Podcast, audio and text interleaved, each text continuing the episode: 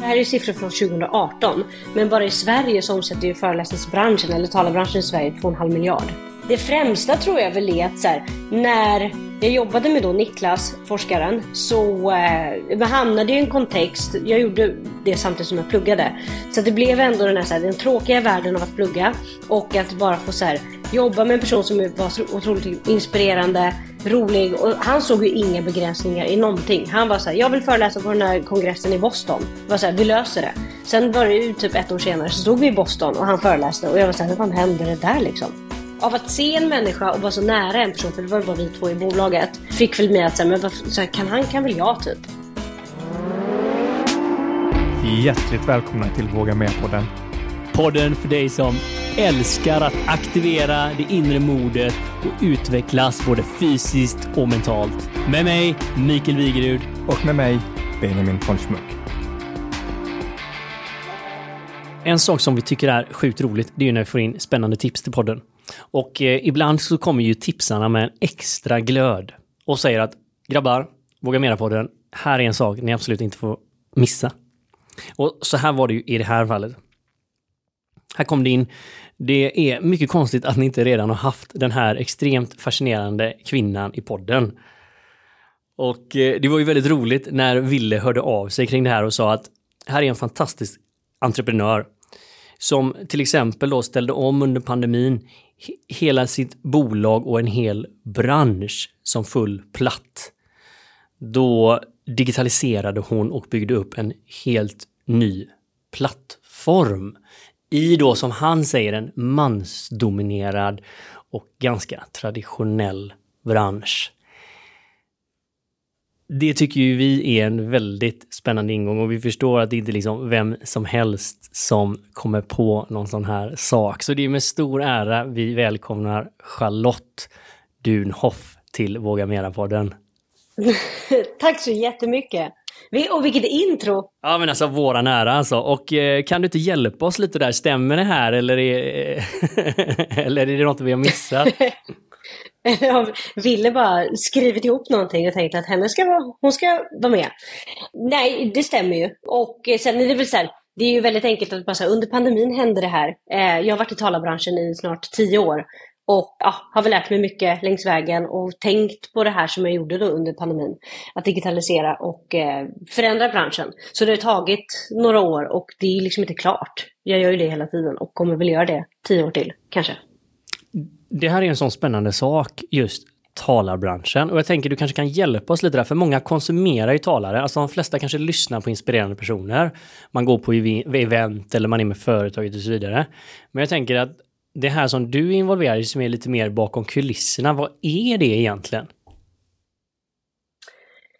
Ja, eh, det är ju alltså, alla de talarna som man lyssnar på poddar som du säger, det är TEDx och det är TED Talks och det är liksom, nu sitter de i TV4 morgonsoffan och pratar liksom allt från stresshantering till så här, hur sätter du mål för kommande år och så vidare. Eh, det är ju väldigt många företag som bokar in de här på konferenser, kickoffer, eh, ledningsgruppsmöten och så vidare. Så att det är väl egentligen människor som har en otroligt inspirerande resa att dela med sig av. Eh, eller så är det någon som har liksom ett supernischat expertisområde. Som så här, man är expert inom AI, man är expert på... Eh, alltså nu har ju vi i Sverige här, världens första lyckoforskare, Mikael Dahlén. Så att man har en nisch som man kan dela med sig och inspirera med både kunskap och inspiration till företag och organisationer som vill bli eh, bättre och mer peppade, liksom. inspirerande. Det är en väldigt fascinerande apparat som du har startat igång, Charlotte. Från utsidan ser det ju extremt stort ut och som att det är massa anställda som jobbar där. Hur, hur, hur driver du den här, eh, det här företaget nu? Eh, nej men det är jag och sen så eh, är det eh, mina utvecklare, WeApp, som är ett otroligt team som eh, projektledare och utvecklare och som också har satt strategin. Jag kom ju med en idé att så här, det här vill jag bygga och de tog väl bort en stor del av det och sa så här, nej, tänk så här istället, som varit med liksom under hela processen. Och eh, sen har jag ett team som eh, hjälper till med Google-annonsering och eh, en assistent. Och sen så eh, håller vi på att titta på ett team som ska jobba med SEO. Fast på mer liksom, ja, ett mer strategiskt plan. Och sen så har jag en person som jobbar med film och foto som hjälper mig. Det är ju stort också, men jag menar det är inte Ja, ja, men- anställda. Det är en väldigt modern setup där du samarbetar med eh, byråer och folk du gillar, låter det som. Ja, och sen är det väl den delen också där man ska här, prata till entreprenörer och så vidare. Att så här, i det liksom, nätverket jag är med så är det, alltså det är, oftast så sitter man och pratar om olika liksom, utmaningar och så vidare. Och det som man alltid landar i är ju att så här, ja, men det är problem med anställda, det är huvudvärk, det är liksom ja, det är alla möjliga olika konstellationer. Och jag, jag känner alltid så här, nej men fy, det är inte därför jag startade företag. Och just den här att man ska så här, gå upp, det är kul. Någon gång kommer jag säkert ha anställda, jag har haft det. Eh, det är inte det jag brinner för. Och så länge jag kan bygga en organisation som är väldigt agil och ja, som funkar, så är det väl toppen att ha folk som vill jobba med mig och som jag vill jobba med. Och jag tycker det ska bli spännande att förstå vad egentligen har förändrats i den här branschen. Du började för tio år sedan här. Nu kom ju pandemin och skakade hela jordklotet höll jag på att säga. Hur har den här branschen sett ut innan men nu även efter? Jag tror väl, eller jag tycker ju att innan pandemin, alltså när jag då startade mitt första bolag, då var jag 26. Och innan det så hade jag jobbat med forskare på Handelshögskolan och jobbat som agentassistent till honom. Så att under agenttiden så satt jag och eh, men egentligen skötte de här personernas person-PR, sälj, marknadsföring och hade ändå liksom direktkontakt med andra talarförmedlingar, med eventbolag och direkt med företag. Eh, och det som jag upplevde då var att eh, men det var väldigt många me- mellanhänder. Eh, men det var lite High Chaparral. Det var eh, men enkelt att sälja men så här, arbetsglädje, det är att ha kul på jobbet. Nu efter pandemin så är beställarna kanske lite mer oerfarna. Det har kanske blivit så att det är en projektledare på ett företag ska köpa in en föreläsare och då måste vi som säljer föreläsare vi får hårdare krav på oss att verkligen säga, okej men vad är det ni vill? Vad är intentionen med att ni ska boka? Eh, utan det har blivit mer strukturerat och mer ordning och reda skulle jag säga. Och det är inte bara så här, åh vi har digitaliserat och byggt en plattform där det blir enklare att boka. Utan det är mer för att ja, men man har nog blivit eh, kanske inte sämre på att beställa eller boka, men det har liksom rört sig om att så här, vi måste, det är kris i världen, det har varit en pandemi. eh, det är ekonomiskt liksom ostabilt. Eh, att så här, varför tar vi in en person som ändå kostar ganska mycket? Vill vi liksom stressa mindre? Vill vi bli effektivare? Så att vi har fått mer krav på oss, vilket jag tycker är toppen. Okej, så förr så var det lite mer som du sa här, Hal att ja, men vi behöver ha någon som trycker till lite på midsommarfesten här och, och kör lite roliga vitsar. Eller man behövde ha någon som, nu ska vi peppa managementteamet eh, så att de verkligen kör 2014 fullt ut. Men att man nu tänker efter men li- kanske eh, lite mer. Ja men lite det och sen så vet jag inte om det fanns liksom, för innan pandemin så fanns det ju också väldigt mycket pengar. Eh, jag vet inte om det återspeglar att så här, åh vi bokar in det här, det blir kul. Eh, Medan nu är man lite mer så här, vad lägger vi pengar på? Och att det faktiskt ska leda till att så här, har vi det här behovet så ska vi ta in den här personen så att vi får den här liksom, effekten. Eh, Din egen resa i eh, den här förändringen.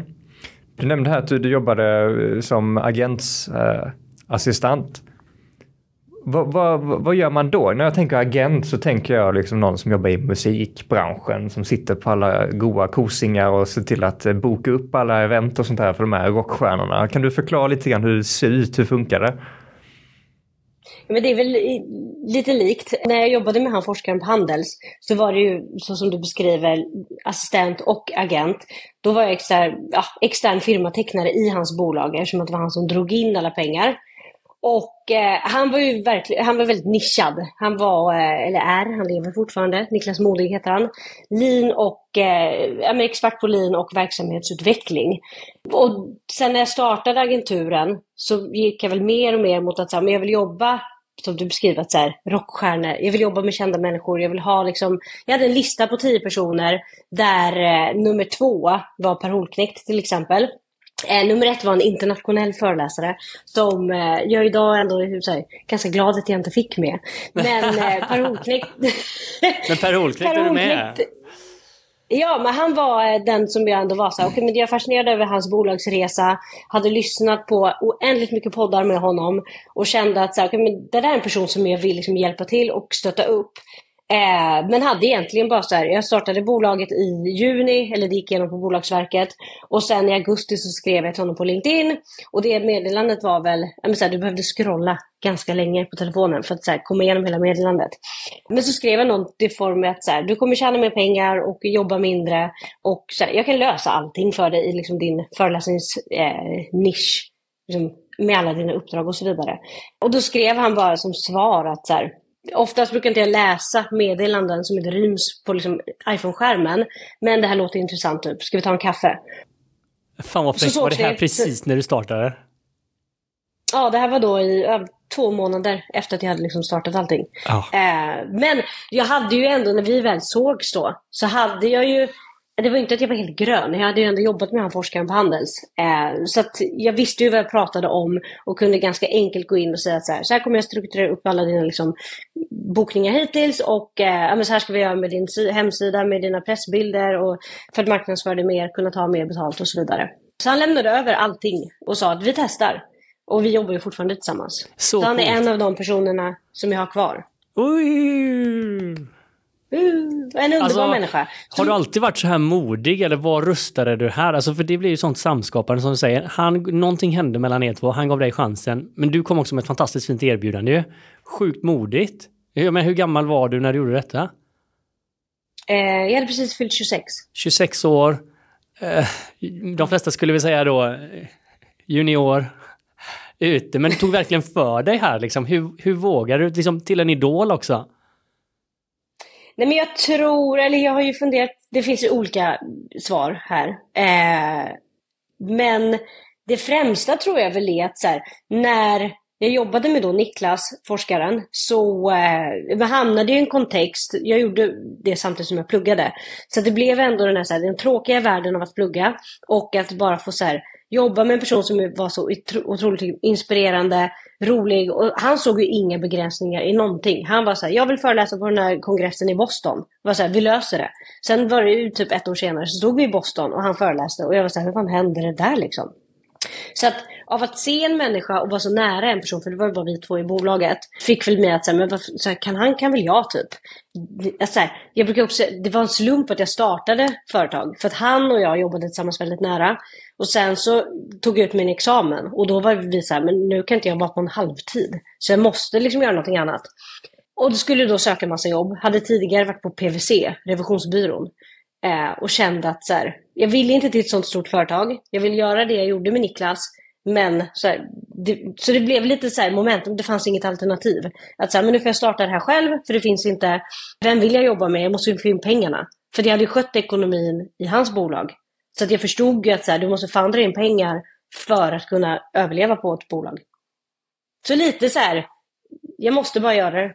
Ja men det är ju så fantastiskt hur de här måstena samspelade med alla de här andra pusselbitarna kring kompetens och erfarenhet och att du var i den här magiska miljön. Vi försöker ju ofta komma in på det här som så många är så nyfikna och som någon som dig just har vågat göra det, är det här som jag tycker du sätter orden så fint på. Kunde han, alltså kunde han vara så veta vad han ville, på något sätt manifestera de här omöjliga grejerna på den här stora konferensen i Boston. Eh, hur du kunde se som att det gick från omöjligt till möjligt och sen på något sätt spegla det över till dig. Kan han så kan jag. Men jag, jag tror att det, alltså, det blir också så här när man jobbar med inspiratörer och inspirationsföreläsare. Det är ju Alltså det är otroligt mycket klyschor. Det är så här ordspråk fram och tillbaka. Men de alla är ju så sanna. Och jag, är, jag älskar quotes, jag älskar allt sånt. För att jag tror ju också, hela vår slogan på Bookie är Let's get inspired, it's a superpower. Um, och jag tror hela tiden att så här, få inspiration, lyssna och liksom omges med människor som dels är bättre än dig själv och sen som har liksom gjort saker eller vågat liksom ta sig an utmaningar som du själv kan känna så här, men gud den här människan har jag träffat. den personen tycker ju om, alltså vi hänger ju, kan, den kan jag. Um, så det finns ju lite den här, de fem du umgås med, så blir du. Att så här, man, eller jag märker i alla fall det, efter att jag har hängt en helg med en viss typ av människor eller en annan typ av människor, hur jag känner mig sen på måndag och tisdag när jag kommer till jobbet. Känner inte ni igen er? Jo, absolut. Och, och jag, jag, tänkte på det här också att eh, du hade ju ett val här. Att köra all in eh, och skapa bolaget och kicka igång den här drömmen. Eller att suck it up och ah, ja, får väl bli storbolag. Och jag skulle vilja säga att 90 procent av folk gör det, det andra. Och så lever man inte ut den drömmen, den passionen man, man har haft. Och här sitter vi med facit vad, vad som kan hända och jag tycker det är superinspirerande. Och jag har massor inspirerande quotes här på väggen bakom mig nu också. Ska du dela med dig av något av Benjamin håller ju på med någon riktigt intressant mappning här, kurs i personlig utveckling eller vad är det Benjamin? Ja, jag kan säga att det har varit en jäkla utmaning. Det är så här, när man tar sig an någonting så är det aldrig en bra timing. Så att eh, budgetarbete och allting. Det var ett så helt kass timing och sen samtidigt, ja men jag ska signa upp på ett sånt här peak performance program fem veckor. Blev coachad av en som var med och skalade upp Skype. Ingen press. men och, och jättemycket sådana kort som du delar här, det är verkligen, eh, för han, han driver identitetsbaserad förändring. Så att om man ska förändra sig själv, om man ska förändra ett bolag och så här, istället för att sätta ett purpose eller en vision, alltså vad, är det för identitet vi strävar att ha? Så att ja, det finns extremt mycket kraftiga, Man säger quotes, det motiverar mig jättemycket, absolut.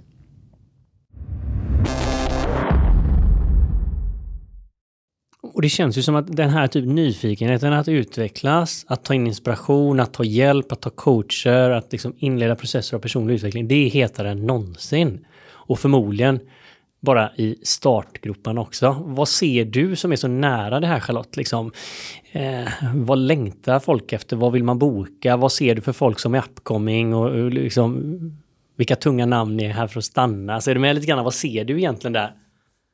Mm. Alltså det, om man, ja, det är alltid svårt att, med namn så specifikt, men, ja, men ämnen liksom är ju ämnen.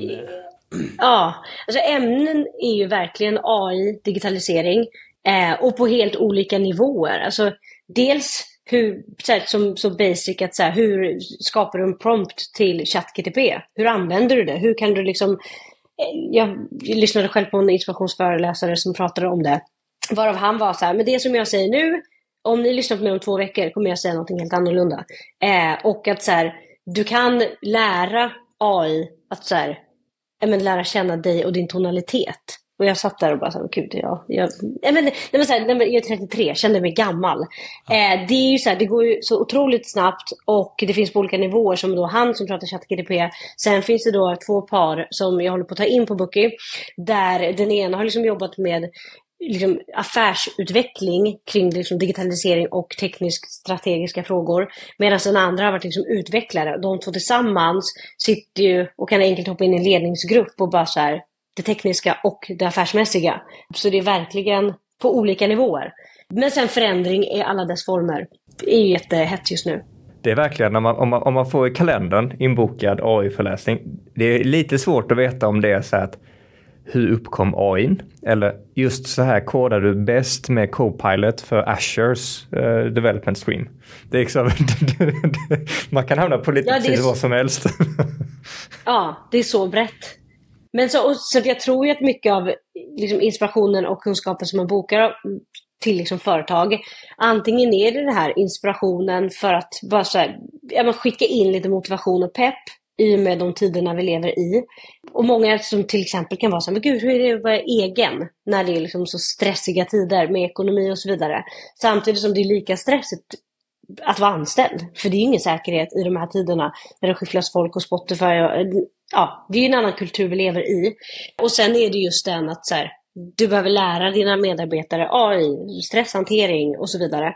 Men jag tror att mycket när folk sitter hemma och konsumerar, som poddar, eh, på TikTok och de här quotesen, då är det väl mer, skulle jag säga, som så här, en religion. Jag är inte kristen eller, liksom, eller troende. Eh, men jag tror ju på min egen grej. Jag har ju skapat det som jag faller tillbaka till när jag blir stressad eller känner att så här, vad fan håller jag på med? När man vaknar mitt på natten och bara så här, helvete. Då har jag liksom min egna grej som jag har komponerat ihop. Och det tror jag många människor som kanske inte är troende använder den här liksom, ja, inspirationskulturen eh, till.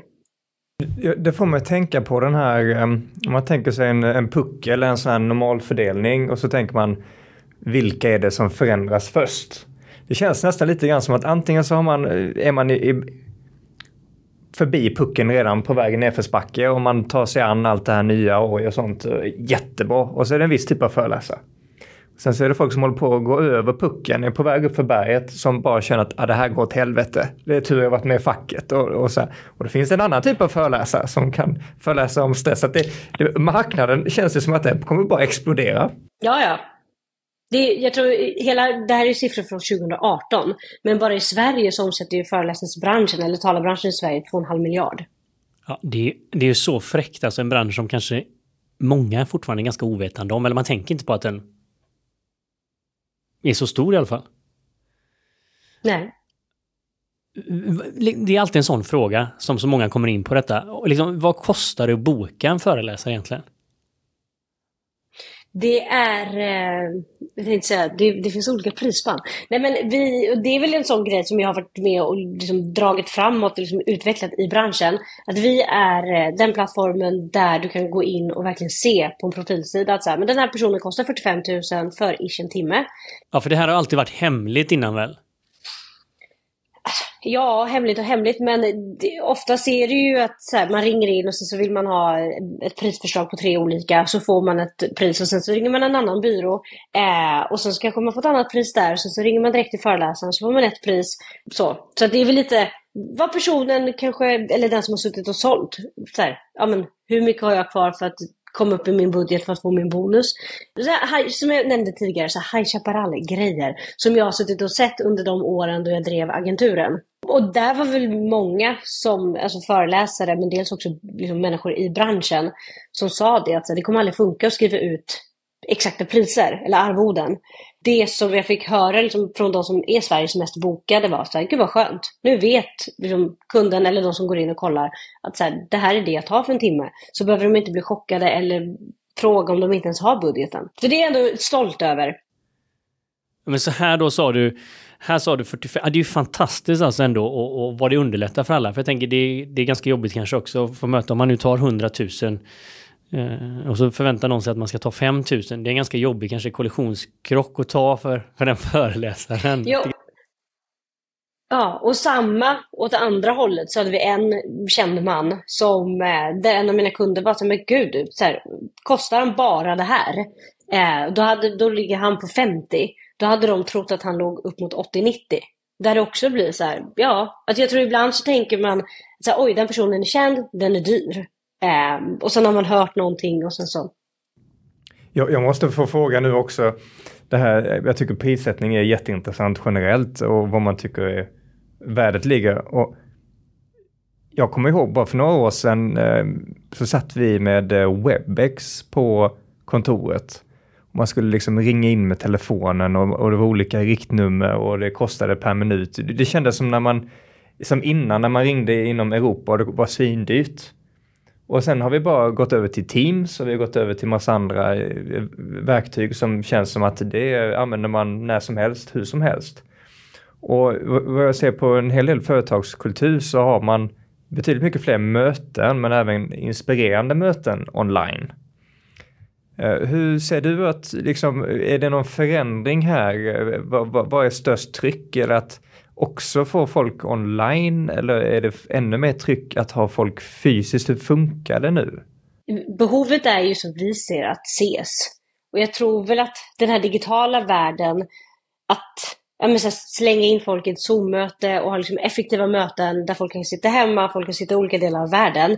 Det är ju toppen. Men när det just kommer till att så här, nu ska vi samla folk eh, för att ha liksom en kick-off där man också bygger på kulturen och man möts. Att så här, kollegor som kanske inte sitter i samma team, det finns ju kvar. Och jag tror att i och med det digitala så blir det ännu mer påtagligt att vi behöver ses, men kanske i mer strukturerade former.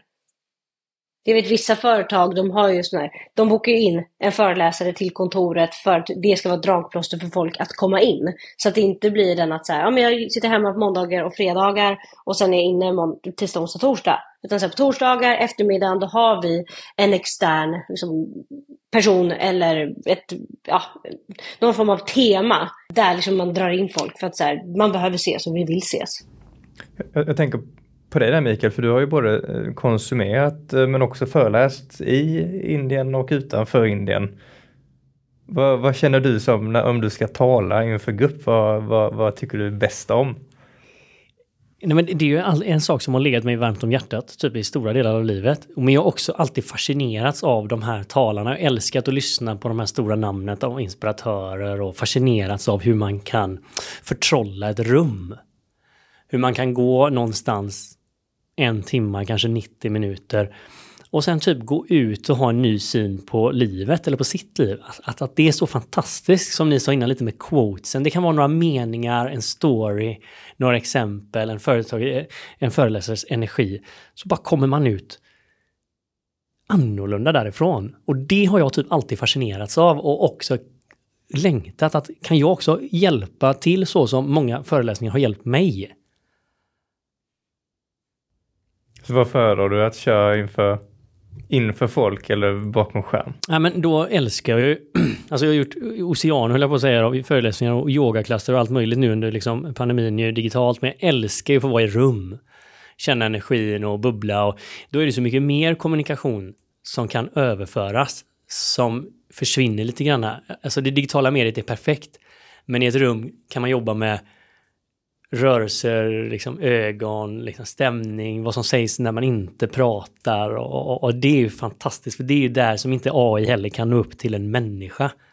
Det är ju på de här mm. subtila kommunikationsvägarna som är för att vi är levande varelser. Och mm. när någon då liksom kommer åt den där och berör en i hjärtat eller berör en till skratt eller till tårar eller liksom så riktigt härliga emotionella känslor, det är ju, ja, då, då får man lite gåshud. Mm. Och också det när det uppstår den här känslan i rummet där man känner att så här, okay, alla är på samma liksom, energinivå. Ja, ja, för du kan pejla av den också. Det är ju väldigt svårt när mm. är digital. Du kan liksom äga, är det en kraftfull man eller kvinna som liksom, då, då, äger du energin i rummet lite och då kan du få med dig alla på den. Alltså det blir ett samskapande med publiken också. Men sen så åker alla på det tåget lite. Håller du med om det Charlotte? Ja, ja. Nej, men det är, och jag har ju lyssnat på så otroligt många och olika typer av föreläsningar och föreläsare. Och så här, jag har ju världens bästa jobb. Nu är inte jag ute och lyssnar på allting, men just det att man får uppleva och så här, dels lära sig, men också se då att så här, ja, men det sitter folk som så här, utan att de vet om det, sitter de bara så nickar. Och så ser man liksom hur det händer grejer.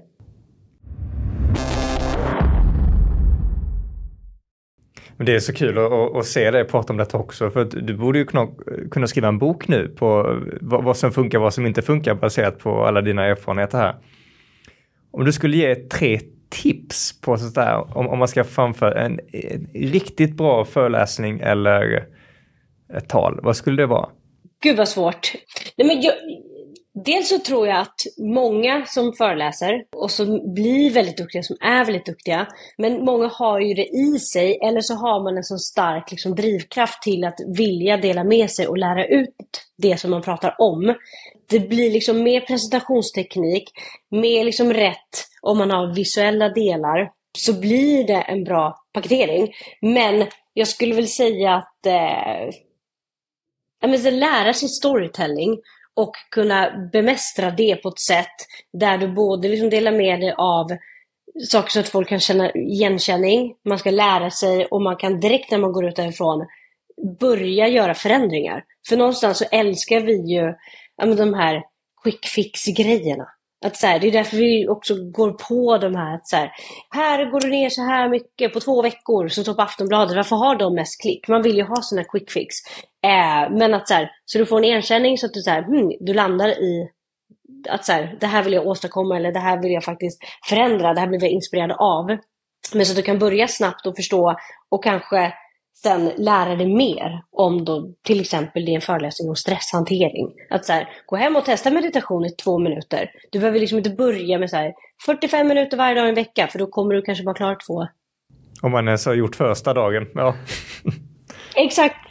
Eh, nej, men kombinationen av storytelling så du får med dig folk och liksom konkreta verktyg, eh, kunskap och liksom forskning och sen så metoder för hur du ska göra en förändring. Det, det finns en nyckel här som, som jag, jag tyckte vi fick fram det här att man ska visa passion för det man talar om och det, jag tror raka motsatsen kan nog alla känna igen sig eh, när man gick, satt i skolbänken och någon skulle eh, berätta någonting som de inte tyckte var roligt överhuvudtaget. Det var ju ingen annan som tyckte det var roligt heller. Så att, att ha passionen här, det tar jag med mig. Och den här emotionella biten, att man skapar kontakt. Och sen att det finns någon hook på slutet där. Att vad ska man ta med sig här? Hur ska man kunna testa detta själv och experimentera? Ja, fantastiskt. Och jag ska säga så här, vad ska man undvika? Om vi har tre grejer man ska absolut inte göra, som är katastrof. Vad ska man inte göra då? Eh, ja, men att köra sin grej, att bara så här, driva på och så här, ja men det här ska jag prata om, eh, jag har en tydlig plan och jag känner inte av gruppen. För någonstans är du ju där för att förmedla kunskap och du har en tydlig plan men saker och ting händer. Det är människor du står och föreläser för. Eh, och där har väl varit olika ja, exempel under alla de här åren där det har varit någon som kanske inte varit superförberedd. Eh, och sen så har det blivit då att den personen kanske blir stressad och så kör på. Så, så här, var förberedd men var också förberedd på att här, vägen kan ändras. Och att du måste anpassa dig. Och möta människor som kanske ifrågasätter det du säger. Och är du väl förberedd så kan du göra det. Det är ju en väldigt vacker del. För det är också en sån här del som, som är så himla mänsklig i den här AI-tiden. Att den här är svår att koda. För den är så himla komplex. Och den är ju, vi, vi som ser dig ser att du gör ju nästan som en dans eller som en surfvåg med dina händer. Att det bjuder in till att man är så här superrörlig och kan verkligen känna, se, använda alla sinnen för att sen kanske modifiera och anpassa det istället för att bli som en robot och bara göra sin grej. Tack, hej, leverpastej. Mm. Ja, för det är ju det är en konst. Jag eh, föreläser inte själv men har gjort det några gånger. Och senaste gången nu så var det för ett eh, gäng. Jag kommer inte nämna vilka det var för. Men ett gäng kvinnor i en viss bransch. Och ja, jag hade ändå förberett mig väl. Och har ju ja, men det går alltid upp med att säga, gud, okej, okay, jag ska inte tänka på dem som jag jobbar med, eh, föreläsarna, för då kommer jag som prestationsångest så jag bara kommer dö och det här är inte mitt yrke. Mitt yrke är att få ut dem på scen, så jag ska bara göra det här för att informera om Bucky och sen så här, inspirera dem lite kring då projektledning och så vidare.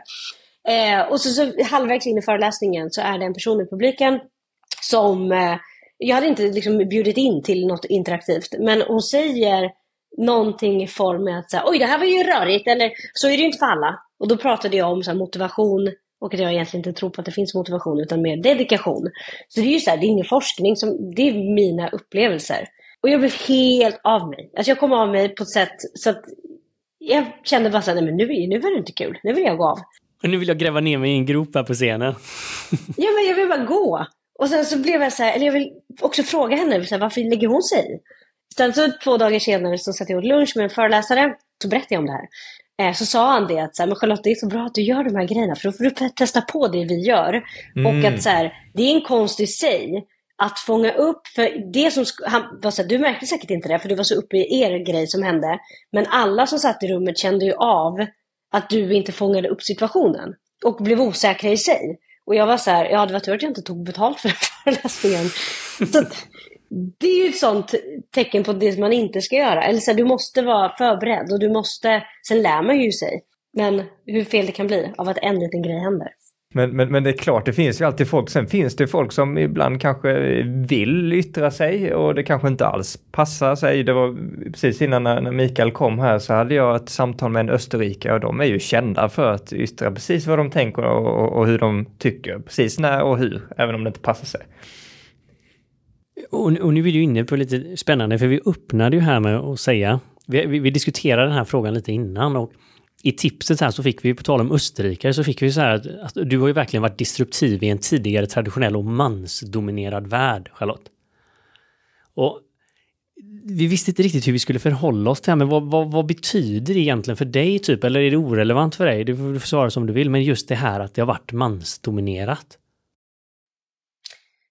Nej men det är väl egentligen att, alltså mansdominerat tror jag att han menade att många av de som är ägare, liksom sitter som vd på de liksom, talarförmedlingarna som finns i Sverige är män.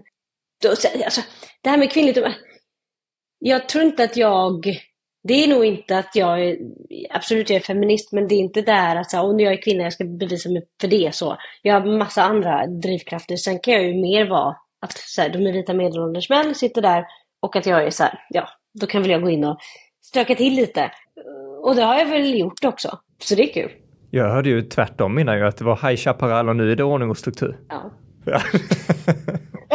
Nej, men vi, vi, vi fattar lite där, men, och, och det är så roligt för det finns viss, viss så här tycker jag eh, känslighet i, i frågan idag att diskutera, men, men den är ju väldigt simpel också. Men om, om man skulle säga så här, om man är ung och, och, känner att man har en calling och ge sig in i någon bransch, egentligen oavsett om, man, om det har varit kvinnor där eller män där innan. Vad skulle liksom din erfarenhet ge för tips för någon som kanske är lite tidigare än vad du är i din resa nu om man känner att det här vill jag ju verkligen göra? Att bara börja skulle jag säga och att ta de första fyra åren så tänkte jag ju att jag tar det ett halvår i taget och så får jag se vad det blir. Och sen falla tillbaka på att här, om man är kvinna då, eller man, är att här, man är olika. Jag kan väl säga det att jag har ju sett folk som har gått in i talarbranschen till exempel, som är män och som har kört på, eh, de har ingen erfarenhet av branschen och de har också bytt vinklat sen. Liksom, ja, gjort egentligen om affärsplanen där det inte kanske har gått. Jag kan väl säga så här, kvinnor har mer känslor, vi tänker mer, vi är mer emotionella eh, och det är liksom biologi. Och det kan väl jag säga absolut att det har tagit lång tid för mig att så här, ja, man hade agenturen i flera år, var lite nöjd med det. Sen kom pandemin och då liksom vred jag om, tog in pengar, byggde det här. Men det har också gjort så att jag har en starkare grund att stå på. Så att jag tror att jag så här, följa magkänslan och bara så här, och så länge det är kul och du ändå tjänar pengar på det så att du kan leva på det. Sen kan man ju också, så här, du behöver inte sluta eller liksom, säga upp dig. Du kan ju göra det här på kvällar, helger. Skit i AWn och typ sitta och jobba istället. Om man tycker det är kul och känner dedikation så kommer man hitta tid. Istället för att skylla ifrån sig att jag hinner inte eller jag har inte tid och jag måste jobba här och lalala, gå på AV och ja. så. Man gör det. Man ser ja. ju i dina ögon en glöd liksom. Just do it. Ja men lite så. Jag, jag har jättesvårt att få hitta tid till eh, träning till exempel. Och det är så här, det är jävla skitsnack bara. För att jag, ja. Så nu har jag gått ut med att säga okej okay, men nu ska jag springa Ibiza Marathon 2024 i april. Och då har jag så här, okej okay, men jag har ett mål då blir jag dedikerad, då kommer jag hitta tid för att jag vill klara det målet. Men att bara säga, åh det är måndag, det är en tråkig dag, då går jag och tränar. Då kan jag lika gärna sitta hemma och jobba för jag tycker det är roligare. Och vad som är fantastiskt, att, att kommunicerat målet också, så att då, då finns det ingen... Exakt! no turning back. Ja. Ja, nej, men att, jag tror inte på motivation. Alltså, så här, många yngre sitter idag och ja, men de är inte motiverade, säger de. Så här, jag behöver inte vara motiverad varje dag jag går till jobbet. Men när jag går till jobbet, sätter mig och börjar jobba, så blir jag ju, det, motivationen kommer ju när jag börjar göra uppgifter. Så så länge du har liksom ett tydligt mål och en dedikation till att säga, ja men det här är det jag vill göra, det här är det jag vill åstadkomma, så kommer du hela tiden driva dig själv framåt. Det ligger ju mycket i linje med vad du sa innan Benjamin. Du, du berättade ju att du hade lärt dig på kursen här om, om hur man skriver en bok. Eh, dela med dig. Motivation är lite av en lyxvara faktiskt. Jag tror att det är så mycket som ska ligga i linje för att uh, man ska känna sig motiverad. Och ett uttryck som uh, Eric här körde var, då sa han så här, en känsla föder action. Det är så en amatör agerar.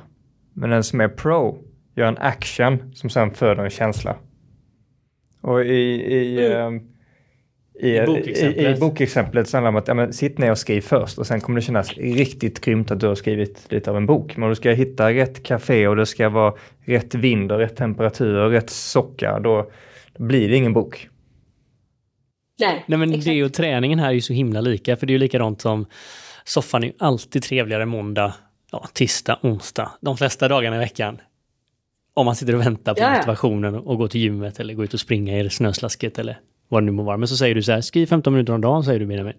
Man ska göra det så pass stort men ändå så pass litet att man kan ta första steget. Och, och det vet jag att du har gjort eh, med yogan också. Att om man ska börja med meditation till exempel, sitt inte tre timmar på kol. Utan liksom banta ner det till fem minuter eller två minuter eller någonting bara så att man kommer igång, får in rutinen. Ja, för det är ju verkligen, när det gäller till meditation, att ni båda har nämnt det, när jag coachar och, och, hjälper folk att lära sig meditera så är det ofta det att hitta liksom lättaste insteget till att börja. Och där också då få lite känslan av att jag lyckades, att jag är en vinnare, att liksom få tillbaka lite. Om det då är 30 sekunder eller 2 minuter eller 3 minuter, det spelar ingen roll, utan det är mycket bättre att få till det än då kanske vad forskningen visar att 25 minuter morgon och kväll skulle vara det bästa. Det är ju inte det bästa för den personen om man har 45 sekunder, då kör vi på det liksom. Och det är ju mm. så fräckt när man kan göra den handskakningen med sig själv i det ögonblicket. Jag dedikerar nu 45 sekunder varje morgon till detta som jag tror kommer vara bra för mitt liv. Exakt. Jag, jag vill ändå fråga där, för, för du nämnde motivation vid mer än ett tillfälle. Nästan som att det får mig att tänka att folk frågar dig om att, att motivation är ett hett ämne, så att säga, att folk vill åt det. Vad, vad, vad är din ställning? Jag tror att jag faller tillbaka på det, för att, eller jag är med i ett entreprenörskapsnätverk. Eh, bra människor och eh, otroligt, alltså jag har väldigt många förebilder som är med där. Vi sitter liksom i olika konstellationer där vi diskuterar eh, saker som är svåra, utmaningar, hinder och hela den biten. Och jag får oftast höra att så här, men gud, jag hade aldrig kunnat göra det du gör själv. Eftersom att jag ändå, ja men nu har jag med mig en investerare, men har drivit liksom alla de här eh, både agenturen och sen drivit igenom liksom, en talarförmedling eller agentur till en bokningsplattform under pandemin och sen så går man in i ekonomiskt liksom, tuffa tider. Och sen var får du din motivation ifrån? Och där tror jag återigen att så här, men jag vet vad jag vill göra, så jag gör det bara. Absolut, jag vill jättegärna ha med mig någon ibland på resan och så här, åh, skönt att äga 50-50, dela på problemen lika. Men jag har inte hittat någon sån person. Och det kommer inte hindra mig till att fortsätta. Och nu när jag har gjort det så länge så kommer jag inte heller jag så här, släppa in någon bara för att. Och då blir det den här att, men jag tror inte man ska känna efter så mycket. För folk, så här, varför är din motivation ifrån? Ja, nej, alltså, jag har bestämt mig och det är jag tror inte det är så svårt. Man kan inte gå runt och leta efter motivation så här. Som man går på ICA och bara så här, ah, vart står ketchupen någonstans? Att så här, ja, men känn efter vad som känns bra och det som blir kul och sen så kör du. Men det är ju helt underbart för det är lite som att man går hungrig på ICA så letar man efter vad man ska äta för nyttig mat och så då kommer du garanterat sluta i Marabou-hyllan där på slutet mot kassan och liksom du kommer med mintkrokant kommer att bli lunchen. Exakt. Och det är det, jag kan inte bara ta in en mintkrokant så här och bara, du får 50 procent av företaget. Utan det, ja. det, blir, det blir inget eh, lopp på Ibiza då? Men jag skulle jo, vilja... Men det, jo, det, det är ändå dedikerad till.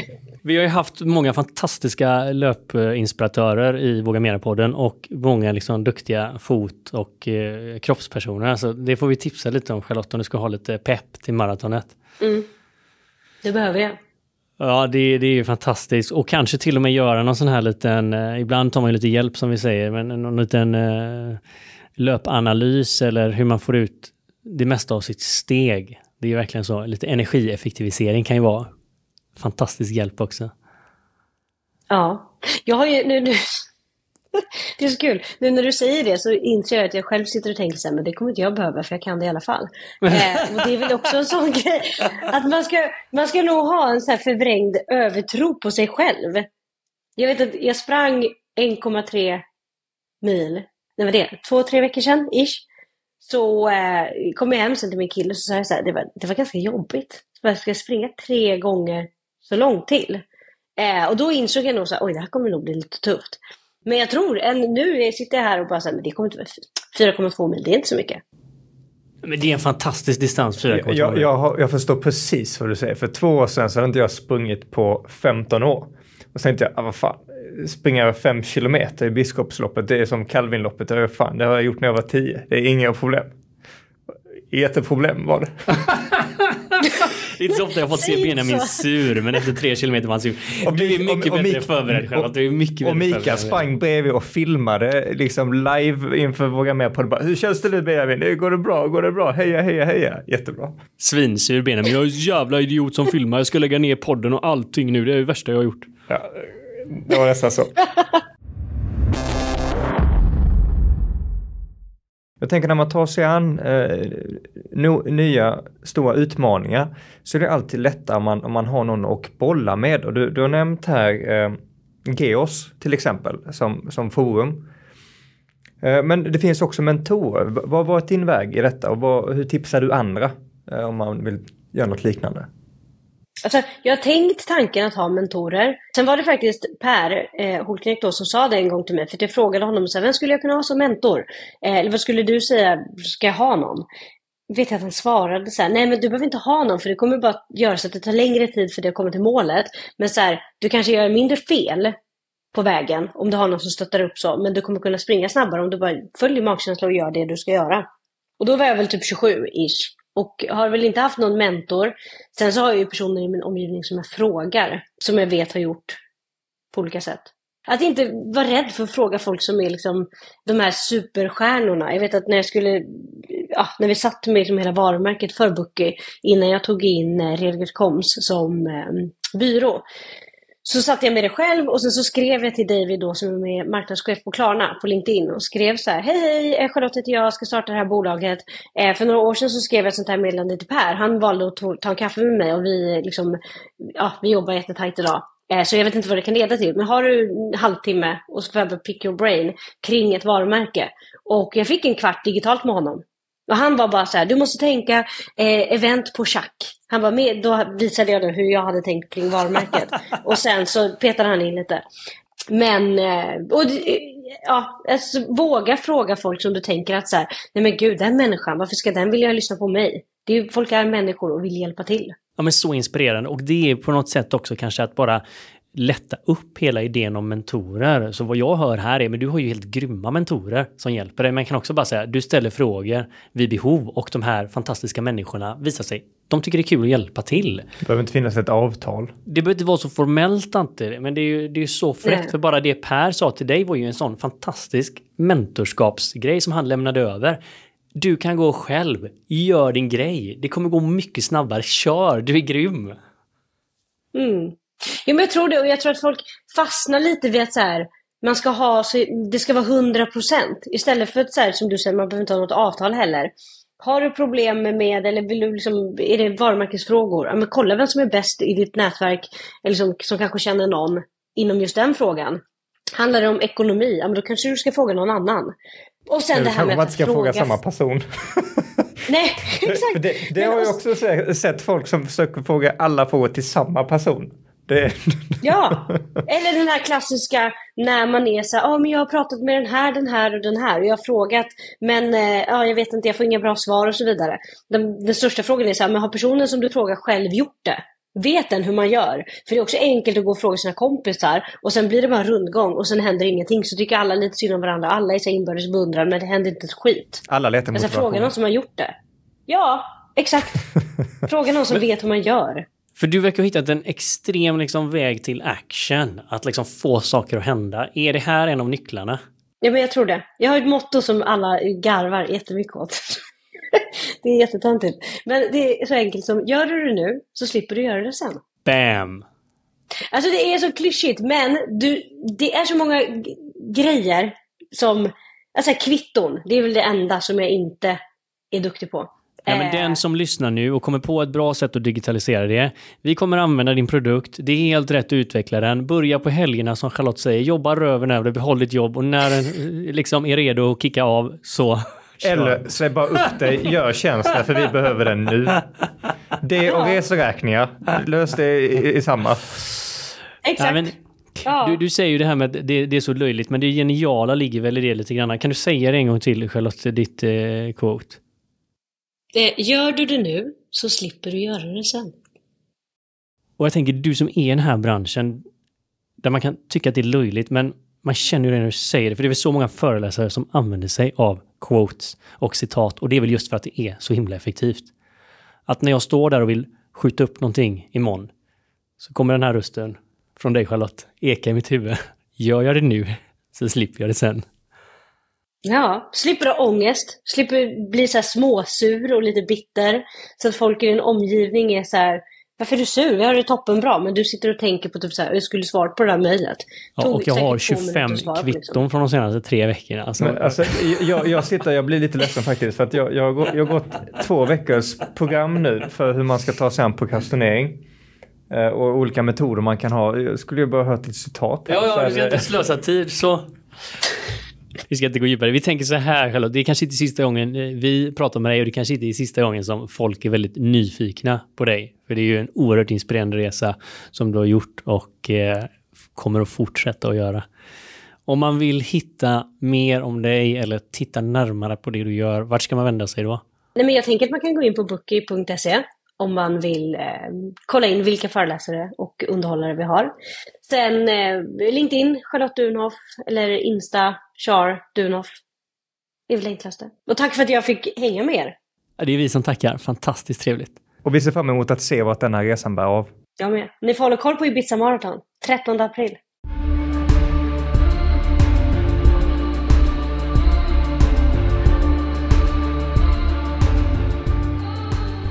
Du har precis lyssnat på Våga Mer-podden med mig, Benjamin. Och med mig, Mikael. Vill du höra mer av oss så måste ni ju såklart prenumerera på podden.